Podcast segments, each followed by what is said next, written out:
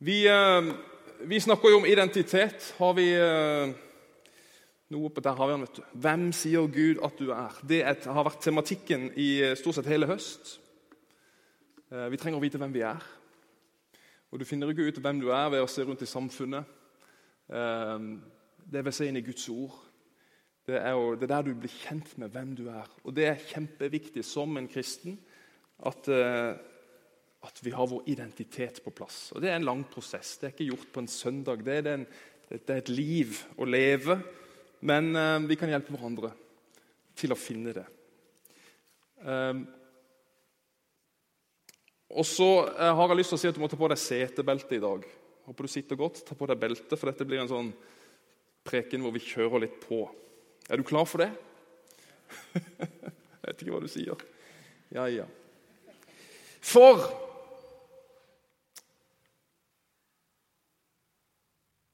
Ja, Det bildet er faktisk ikke der. Jo, du er Jeg vet ikke hvorfor det kommer, det er helt feil. Du er en prest! Det er det vi skal snakke om i dag. Oi, oi, oi. Det var du ikke helt klar for, kanskje. At du er en prest. Men jeg har eh, noen bibelvers som sier noe om det. Nå er jeg veldig usikker på Nå er det bare litt rot her. Men der står det Han elsker oss og har fridd oss, fridd oss fra våre synder med sitt blod og har gjort oss, fri, gjort oss til et kongerike, til prester for Gud, sin far. Ham tilhører æren og makten i all evighet. Han elsker oss og har fridd oss fra våre synder med sitt blod. Det talte jeg over for to uker siden. Og Nå skal vi ta det neste del av verset. Og Han har gjort oss til et kongerike, til prester for Gud. Apostel Peter skriver også om det i sitt brev, det første. Men dere er en utvalgt slekt, et kongelig presteskap, et hellig folk, et folk som Gud har vunnet for at dere skal forkynne hans storverk. Han som kalte dere fra mørket og inn i sitt underfulle lys. Du visste det kanskje ikke, men i Kristus altså Hvis du er en kristen, du tror du har gitt ditt liv til han, så er du en prest. Jeg vet ikke hva du tenker når du, når du hører ordet prest. Men du har kanskje sett den der serien på uh, NRK om presten. Har du det? Jeg hører noen begynner å humre og le litt i salen her. Bjarte Tjøstheim han spiller presten i denne humorserien. Og eh, Presteoppgaven og presterollen Jeg vet ikke, han, han, han, Jeg ler og smiler når jeg ser på han. Ja, jeg, vet, altså, jeg, jeg sliter jo litt med å se på den serien, jeg må innrømme det. For Han er på en måte så klønete, og det er liksom så pinlig. Um, mye av det er jo kanskje veldig ærlig. da. Jeg vet, om, jeg vet, ikke om, å se på den serien om det gir deg lysten til å bli en prest. Uh, jeg vet ikke. Kanskje, kanskje, er det faktisk det at du, du Yes! Uh, han senker terskelen så vanvittig. At, uh, det, at, det, er greit. Jeg vet ikke hva du tenker. Men han sier jo bl.a. i episode 1 så sier han jo det at, at han lider av denne lidelsen prestasjonsangst. Og at det kommer fra, fra prestembetet kanskje. Nei, jeg tror jo det er feil, da. For det å være prest, det handler ikke om å prestere. Du skal få slippe disse store seremoniene, du som sitter i salen her. Å være prest i Guds rike det handler først og fremst om relasjon. Det er din relasjon til Jesus som kvalifiserer deg for denne spennende oppgaven, som jeg tror det er. For hva gjør en prest? Jo, han representerer Gud for mennesker. Og han presenterer mennesker for Gud. Det er liksom de to oppgavene en prest gjør, hvis vi kan si det sånn. Og det er din tjeneste, det er din oppgave hvis du er i Kristus. Og det gjør jo livet da plutselig veldig spennende, syns du ikke det? Ja. Bibelen sier jo faktisk at hvis du har gitt ditt liv til Jesus, så har du det som skal til. Du har det som skal til, du, faktisk. Så Derfor så regner jeg med at i Haugesund misjonskirke så er det om lag 300 prester. Det er sånn, Med medlemmer og aktive og litt sånn, så er vi rundt 300 prester her. Mm. Og du er en av dem. Gjennom din relasjon til Jesus så er du gitt alt du trenger for å representere Gud for mennesker. Og Det er noe alvor i dette, for det er altfor mange mennesker på Haugalandet som ikke kjenner Jesus. De har aldri fått erfare hans grensesprengende kjærlighet. De har aldri fått høre sannheten om deres liv, hvordan Gud ser dem. De har aldri fått erfare og kjenne alt det Jesus har gitt. Tenk bare om de hadde fått møte Jesus. Så hadde livet kanskje vært helt annerledes. Og tanken da om at åh, ja, de skulle bare vært her på søndagen og, og fått høre evangeliet og fått høre og kjenne på og erfare fellesskapet. Den tanken er jo selvfølgelig naturlig, men det er mye mer bibelsk å tenke at ja, jeg er jo der ute hver dag blant alle disse. Jeg skal ta med meg Jesus ut. Det er en mye mer bibelsk tanke. Du kan lede mennesker framfor Gud. Du kan faktisk administrere hans tilgivelse hvor sprøtt er ikke det? Han har gitt oss ja, Det står det i Matteus kapittel 16. Han har gitt deg himmelrikets nøkler. Det står noe i Bibelen om at vi kan løse, vi kan binde. Det er utrolig mye spennende som du er blitt gitt. Så hvis du da sitter her og kjenner på at, at det kan ikke eller hvis du sier at det kan ikke ja, da sier vi at Guds ord er feil. Og det er vilt. Jeg er jo pastor, og jeg tenker at min største oppgave, og må Gud hjelpe meg, det er å hjelpe deg til å forstå hvem du er i ham. Det er min viktigste oppgave. Og så må du noen ganger hjelpe meg til å forstå hvem jeg er i ham. Men jeg skal i hvert fall ikke stå her som en prest foran det. Og så skal jeg liksom være mer åndelig enn det. Det skal tenkes at presten og pastoren har andre evner enn meg, at han skal være en mellommann mellom meg og Gud. Det er ikke sånn det skal være. Du er jo prest. Du er jo prest. Derfor så trenger ikke du en prest eller en pastor for å få noe spesielt ifra Gud. Du har jo tilgang til det aller helligste 24-7, ifølge hebreerbrevet. Du har tilgang 24-7. Jeg kan godt hjelpe vi som pastor kan godt hjelpe deg, men du må jo gjøre jobben sjøl. Det er du som er prest. Vi er alle prester. Du kan i kraft av hvem Gud sier du er, gjøre alt en prest kan gjøre. Noen sier 'yes, kult', jeg ser noen smil. Andre tenker 'å, herlig fred'. Hvis du sitter her for første gang, eller du, du, du er du, ser kanskje ikke på deg sjøl som en trone, du er mer nysgjerrig. Fantastisk at du er der. Da er det mest sannsynlig de som sitter rundt deg, du skal spørre om hvordan du kan komme i kontakt med han, hvordan du kan bli kjent med Gud. Så er det de som sitter rundt deg, du skal spørre om hjelp. For alle som sitter her inne, eller de fleste som sitter her inne, kan hjelpe deg til å finne han. Så du kan jo si til sidemannen din at 'du er visst prest'. Si det. Du er visst prest. Ja vel. Ja, ja, ja. Det som Peters brev sier, som vi leste, at vi er til for å forkynne hans storverk. For å fortelle, for å leve ut de gode nyhetene om hva han gjort. Det er vel det Peter mener. Så hans liv skal gjennom mitt og ditt liv.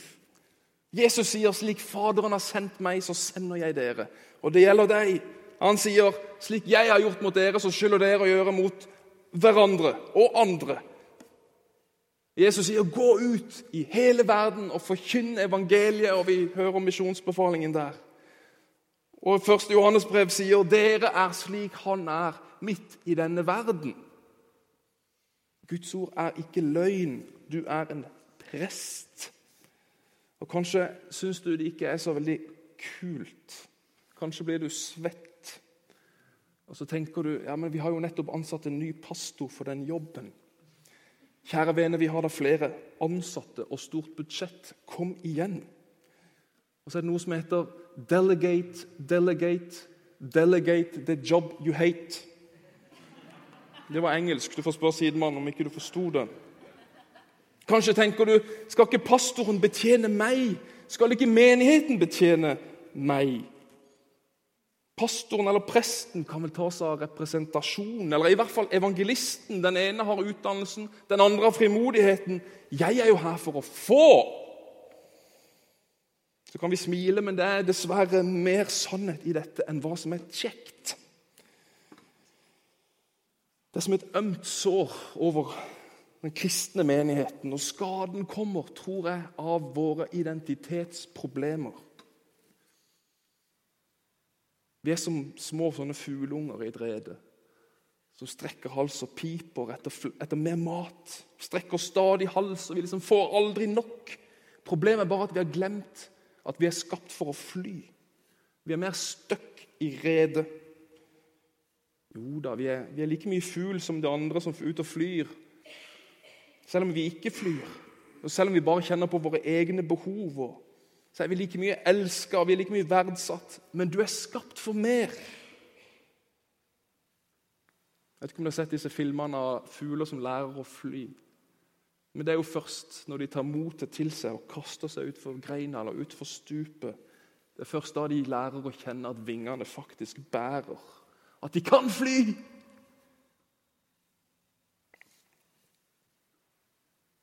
Det være prest i Guds rike det tenker jeg skal være noe eventyrlig. Det skal ikke være noe kjedelig. Folkens, Vi må gå på Guds ord. Du må tro hvem du er. Du må tro Gud. Det som er helt sikkert, er at Jesus døde ikke for deg bare så du kunne sitte i denne kirka. Men er, han døde for at du skulle kunne leve kirke. Men usikre, tvilende, redde, så går vi heller inn enn ut. Vi blir sittende på greina. Du er mer enn det du har blitt. Guds rike er ikke overlatt til profesjonelle prester og pastorer. Og jeg sier heldigvis.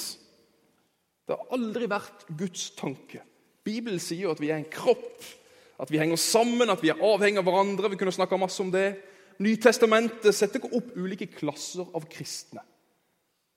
Lekfolk, geistlige.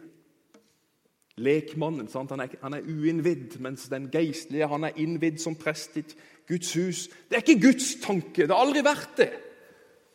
Teologen Karl Barth, og han er en stor teolog Begrepet lekfolk er et av de verste ordene i det religiøse vokabularet og burde være bannlyst for all kristen samtale, sier han.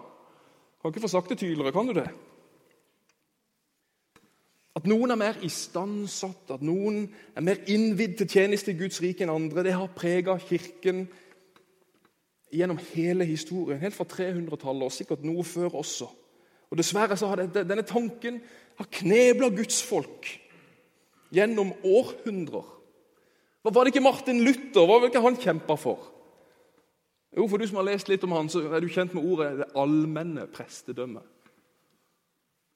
Det allmenne prestedømmet det var virkelig det han, noe av hvert fall det, han jobba for. Dette å oppheve skillet mellom presteskapet og lekfolket. Han ønska å poengtere at alle kristne er prester for Gud. Og fordi alle kristne er prester, så har vi alle rett til å forkynne, og vi har rett til å døpe, vi har rett til å feire nattverd, og vi har rett til å bedømme hva som er rett lære. Det er gitt oss alle sammen hvis du er i Kristus Jesus. Og det er jo sprøtt Bare den dag i dag så vet jeg at når jeg sier det, så vekker det en noe provokasjon. Men dette har aldri vært i Guds tanke. Forskjellen mellom lekfolk og geistlig har kun av praktisk betydning, sier Luther. Og Her hjemme på, på Bjerget da, så hadde vi jo en annen kar. Reformator, kan vi kalle han. Hans Nilsen Hauge. Kanskje kjenner du han? Han bidro, bidro jo til veldig mye i Norge. Men bl.a. en frigjøringsprosess som førte til at folket kunne spille en aktiv rolle i kirke og kristenliv. Han ville bryte med prestenes monopol. Vet, de hadde monopol på tjeneste. Men folket slapp til, og hva skjedde? Det ble vekkelse i Norge, vet du. Er det ikke flott?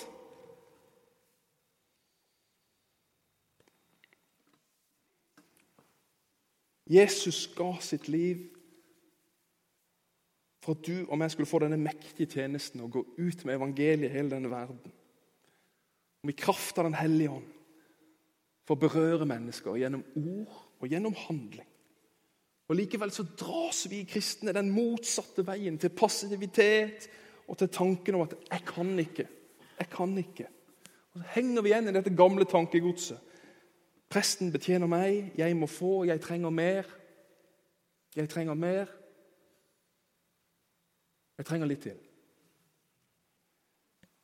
Hva er, det, hva er det jeg prøver å si? Jo, vi sitter så trygt her i kirka. Vi strekker oss mot Gud hver søndag. Han gir trofast. Vi synger våre sanger. Men jeg tror det han aller helst vil se, er at vi skal bli det vi allerede er kjøpt fri til å være. Prest for mennesker som ikke kjenner Jesus. Men har vi guts til å hive oss ut? Til å få se om det holder, om jeg kan faktisk være det? For Det er sånn, det finnes ikke hverdagsliv og åndelig liv. Det er ikke noe forskjell. Vi har gitt ett liv. Du er presten på jobb, du er presten på trening, du er presten i syforeninga, du er presten i vennegjengen, i klassen. Du er presten i ditt lokalmiljø.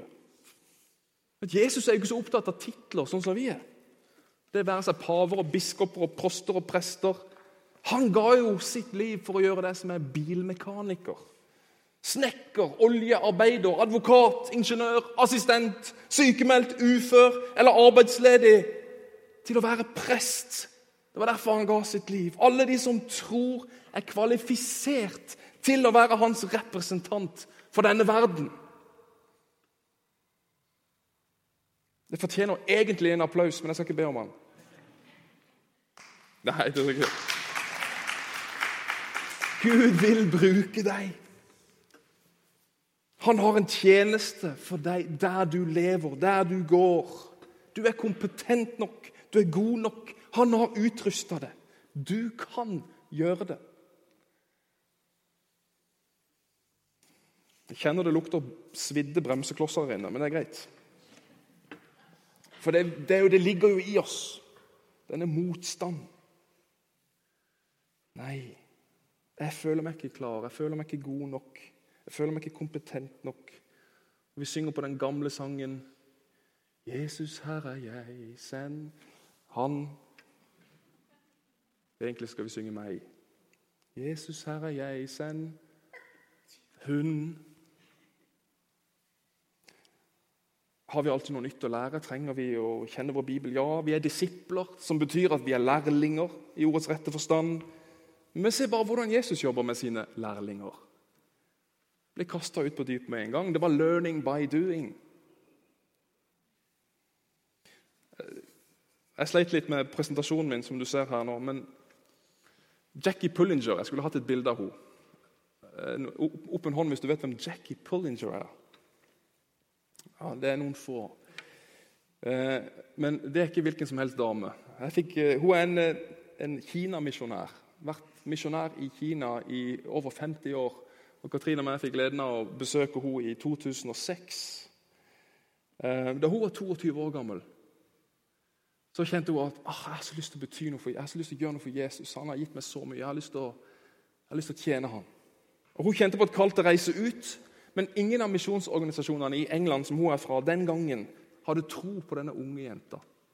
Hun hadde ingen utdannelse eh, og sikkert eh, feil hårsveis eller et eller annet sånt. Men i hvert fall det var ingen som hadde tro, så hun ble nekta jobb, nekta å reise ut som misjonær på vegne av disse organisasjonene. Så fikk hun råd av en prest en gang. Jackie, ta deg en båt som går så langt unna som mulig. Så går du av på den kaia der Gud sier 'gå av'. Havna ble Hongkong. Og alt hun hadde når hun ankom den, uh, Hongkong den uh, natta, det var ti, dollar i lomma. Hun var helt alene. 22 år, jente. 50 år siden i Hongkong. Det var ikke det mest gjestmilde stedet. Hadde jeg vært mor, så hadde jeg vært nervøs. Men uten misjonærutdanning, uten teologisk utdanning, så har hun gjennom 50 år tjent Gud med enormt stor autoritet i Hongkong. Tusener av liv, familier og samfunn er forvandla. Hun visste ikke hvor hun skulle begynne når hun kom. Hun sto der med ti dollar. Hvor skal jeg gå? Hva skal jeg si? Hvor vil du jeg skal være? Hvor skal jeg jobbe? Men hennes tro og tillit til Gud på at han kan bruke meg, det har altså velsigna ekstremt mange mennesker i Hongkong. Og det, Alle de historiene hun forteller, er helt insane. Og Som eh, ung teologistudent når jeg besøkte henne, så måtte jeg jeg ble ydmyk, jeg ble rørt av å høre hvordan hun underviste fra Guds ord uten noe utdannelse. Du har alt du trenger. Gud har gitt deg alt. Du er utrusta. Hun inspirerte meg så enormt. Kanskje trenger du inspirasjon, så kan du lese biografien til Jackie Pullinger. Men vi har blitt gitt alt vi trenger. Alt makter jeg i ham som gjør meg sterk, sier Filippe-brevet. Alt makter jeg. Alt. Han som virker i meg med sin kraft, kan gjøre uendelig mye mer enn alt det jeg ber om og forstår. Efeserbrevet kapittel 3. Det står der. Guds ord er sant. Du kan gripe det, du også. Og så er det ikke sånn at Vi nødvendigvis trenger bare mer påfyll. Vi trenger mer åpenbaring. Det er det vi trenger. Efeserne, kapittel 1. Jeg ber, det ber Paulus, han som skriver brevet, jeg ber om at vår Herre Jesu Kristi Gud, Herlighetens Far, må la dere få en ånd som gir visdom og åpenbaring, så dere lærer Gud å kjenne og så ber han, må han gi dere lys til hjertets øyne, så du får innsikt i det håp han har kalt dere til. Hvor rik og herlig hans arv er for de hellige, og hvor overveldende hans kraft er hos oss som tror. Vi trenger åpenbaring, folkens. Vi må, vi må, be. Vi må til Gud og gi meg åpenbaring for dette.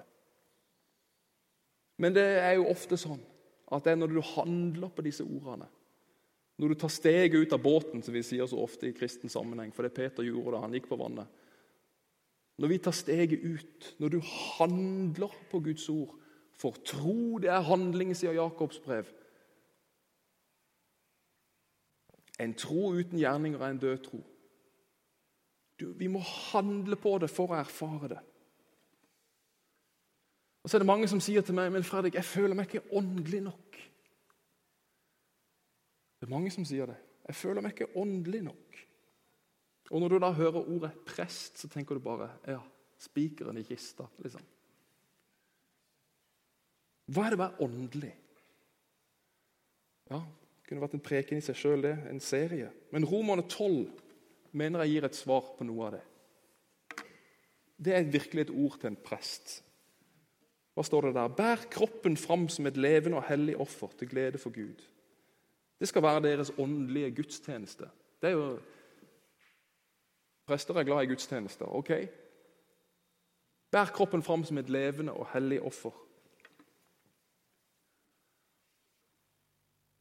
Hva betyr det? Jo, det betyr enkelt og greit at vi melder oss til tjeneste for Han. Og det omfatter hele livet. det. Jeg søker å innrette mitt liv og min vilje etter Guds vilje. Jeg ønsker at Hans agenda skal være min agenda. Og det jeg gjør i mitt hverdagsliv, det ønsker jeg skal være til ære for Han. Det skal være et offer, det skal være til glede for Gud. Det er Han jeg lever for. Vi trenger ikke alle reise til Hongkong, men det er jo sånn at vi har fått en ny sjef i livet. Jeg har fratredd sjøl. Nå er det Jesus som er min sjef. Og så kan vi si det på en annen måte, som at vi marsjerer etter en annen trommeslager. Jeg vet ikke om du er glad i å gå i 17. mai-tog? Du marsjerer etter en annen trommeslager. Eller vi har satt oss sjøl i passasjersetet i bilen vår og så lar vi Jesus styre rattet. Litt sånn. Det er det det handler om. For Vi fortsetter jo som regel å være der vi er. I samme jobb, samme naboer, samme venner. Men livet har fått en ny mening. Det er på en måte Guds rike det er han det handler om da. Og det når mennesker med de, når mennesker med de gode nyhetene. Det er det vi lengter etter, det er det vi ønsker å se, at Jesu ord går fram. Så Åndelighet det er så mye mer enn bønn og lovsang og møter og faste og alt dette her som mange føler seg så dårlig på. Men Noen som sier det at åndelighet det er også å se behovene rundt deg og fylle dem. Det er jo åndelighet. Det er å møte mennesker med Guds hjerte, slik Jesus gjorde. Og det kan du gjøre på din måte, slik som du er, med din utrustning. Og så er det jo sånn at Hva du gjør eller ikke gjør, det bestemmer egentlig ikke om du er mer eller mindre åndelig. Åndelig er du uansett. Det er noe han har kjøpt deg fri for å være. I Jesus Kristus så er du prest. Det handler bare om at det må komme til syne. Det må bli åpenbart for oss hvem vi er. Jeg tenker ofte at jeg, jeg sier til meg sjøl du, du må løfte blikket fra deg sjøl. Du må løfte blikket fra dine egne behov. Og så må du se mennesker rundt deg. Lytte. Møte behov. La deg lede av Jesus til mennesker. Fordi vi er gitt et oppdrag. Vi er gitt en skatt som mennesker trenger. Og Du har sikkert hørt det at Dødehavet, som ligger nede i Israel, der, det er dødt fordi det er utløpsfritt. Det har ingen utløp. Og Alle vann trenger et utløp. Sant? Du har hørt denne før, kanskje. Eller så mister det liv. Og Alt vi har snakka om i denne serien om identitet, det er som Guds strømmer inn i livet ditt. Han gir og gir og gir. Og så er spørsmålet om det får et utløp i mitt og ditt liv. La meg avslutte med, med et bilde. En elv og en innsjø det er to forskjellige ting. En elv og en innsjø. Og Generelt så kan vi si at en elv den er jo stadig i bevegelse. En elv kan grave seg ned i dypt fjell, den kan slipe stein, kan forme landskap. Elv er også en energikilde. sant? En innsjø den er stort sett konstant. Den er ikke så veldig mye forandring. Det er jo sånn, Hvis du vil inn i denne innsjøen, så kan du gå inn og ut på samme sted. Og det er ganske trygt. Men går du inn i en elv, så kan du fort bli dratt med strømmen, og du må gå ut av elven på et annet sted. En innsjø er mye mer trygg. I innsjøen så kan du vade ut til den dybden du ønsker. Så kan du gå inn og ut av den på ditt eget tempo. En elv den er usikker. Han drar oss inn i strømmen, og så kan han føre deg til stedet der du kanskje ikke hadde planlagt å gå. En elv virker å ha mer eh, egenvilje i sin sterke strøm. Vi kan flyte med, men han vil ikke nødvendigvis la deg styre. Og vi kan, Alt vi kan gjøre, er egentlig bare å flyte med strømmen og nyte den. Guds rike, som vi er representanter for, eller prester for, det er ment å være som en elv. En bevegelse.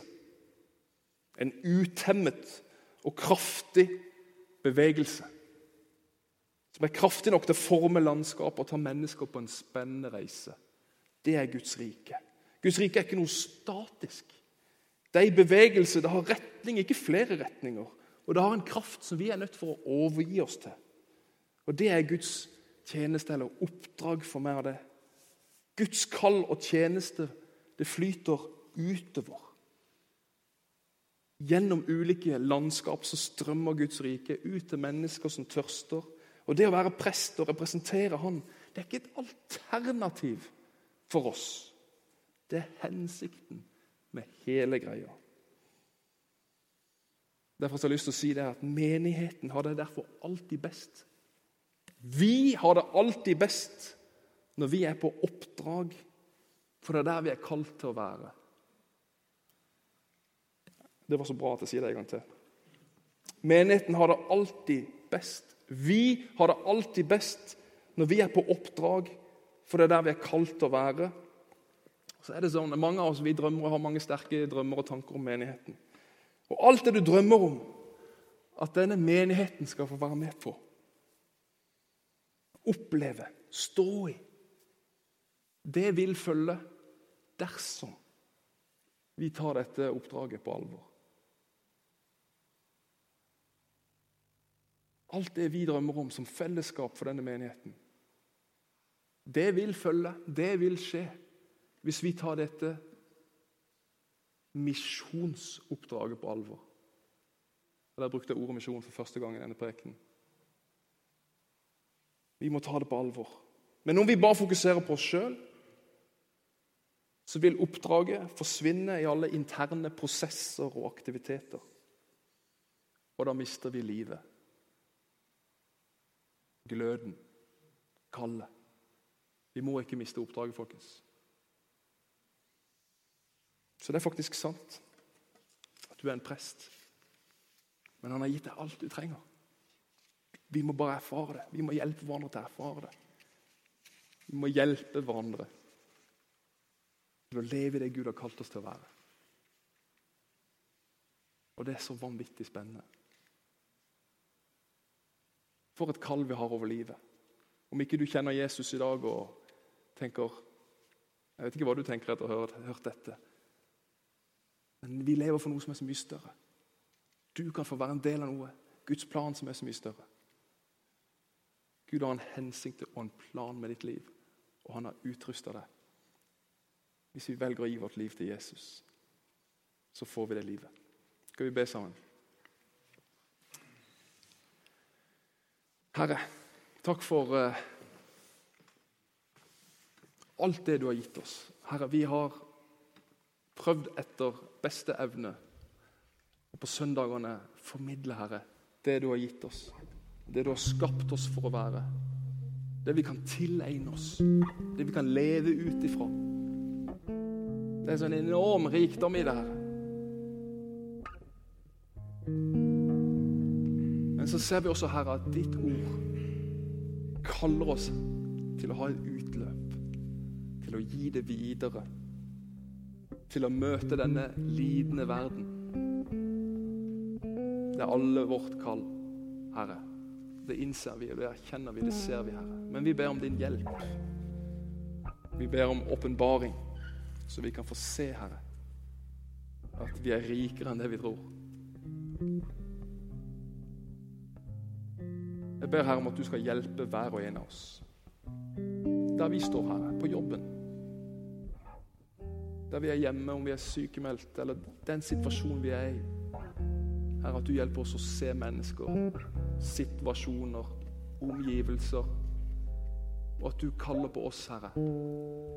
At ikke vi skal bare bli trist og lei oss for det vi ser, nødvendigvis, men at vi skal kjenne at du kaller oss til å berøre.